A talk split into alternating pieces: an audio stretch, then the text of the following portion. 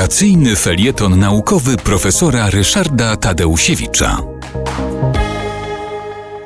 W chwili obecnej, e, jeśli chcemy gdzieś się udać, to mamy do wyboru w zasadzie no, cztery możliwości. E, Po pierwsze, samolot. Jeśli gdzieś daleko chcemy e, polecieć, to właściwie nie ma alternatywy, musimy zdecydować się na lot samolotem. No ale z samolotami bywa, bywają kłopoty. Sam wracałem akurat niedawno z podróży, gdzie samolot był wiele godzin opóźniony na lotnisku, więc w związku z tym to nie jest taka wielka przyjemność, jakby się mogło wydawać. Powszechność dostępu e, samolotów e, powoduje, że na lotniskach są tłumy. Bez tego samolot, owszem, e, cudowny środek lokomocji, ale jednak mający swoje wady. No jest pociąg, są coraz doskonalsze pociągi, ale te pociągi jednak wiozą nas w odleglejsze miejsca dość długo. To samo dotyczy autobusów, w jeszcze większym stopniu męcząca bywa podróż własnym samochodem. Cóż nam pozostaje?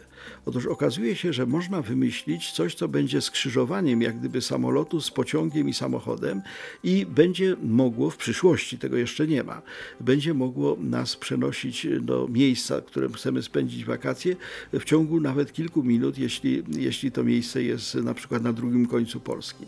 E, Takim rozwiązaniem, które w tym zakresie jest testowane, rozważane, e, to jest tak zwany Hyperloop, e, czyli pociąg, który będzie poruszał się w takiej próżniowej rurze, próżniowej, żeby opór powietrza nie, nie utrudniał jego ruchu i e, będzie zawieszony na poduszce magnetycznej, nie na kołach, tylko będzie wisiał na takie, taka lewitacja magnetyczna ma być zastosowana, będzie się poruszał bez starcia, prawie że w próżni, będzie mógł uzyskiwać bardzo dużą szybkość. Zakłada Elon Musk, który jest e, propagatorem i jak gdyby e, wynalazcą poniekąd tego Hyperloop, zakłada, że będziemy mogli się przemieszczać z tak dużą szybkością, że ta szybkość na Ziemi będzie przekraczała wielokrotnie szybkość dźwięku. To oznacza, że będziemy szybciej niż samolotem, tym właśnie takim bardzo specjalnym pociągiem. Wobec tego e, to jest e, być może e, perspektywa podróży przyszłości. Niestety nie ma róży bez kolców. Rozwiązanie typu Hyperloop jest bardzo wrażliwe na ewentualne zamachy terrorystyczne. Taka duża, długa rura biegnąca przez no, setki kilometrów może być w dowolnym miejscu uszkodzona. Uszkodzenie tego, tej rury będzie miało katastrofalne skutki, dlatego że ludzie uwięzieni w tych kapsułach, które tam są przesyłane, nie będą mogli jak, nie będą mieli jak uciec, nie będą mieli jak e, wysiąść z tego, z tego urządzenia.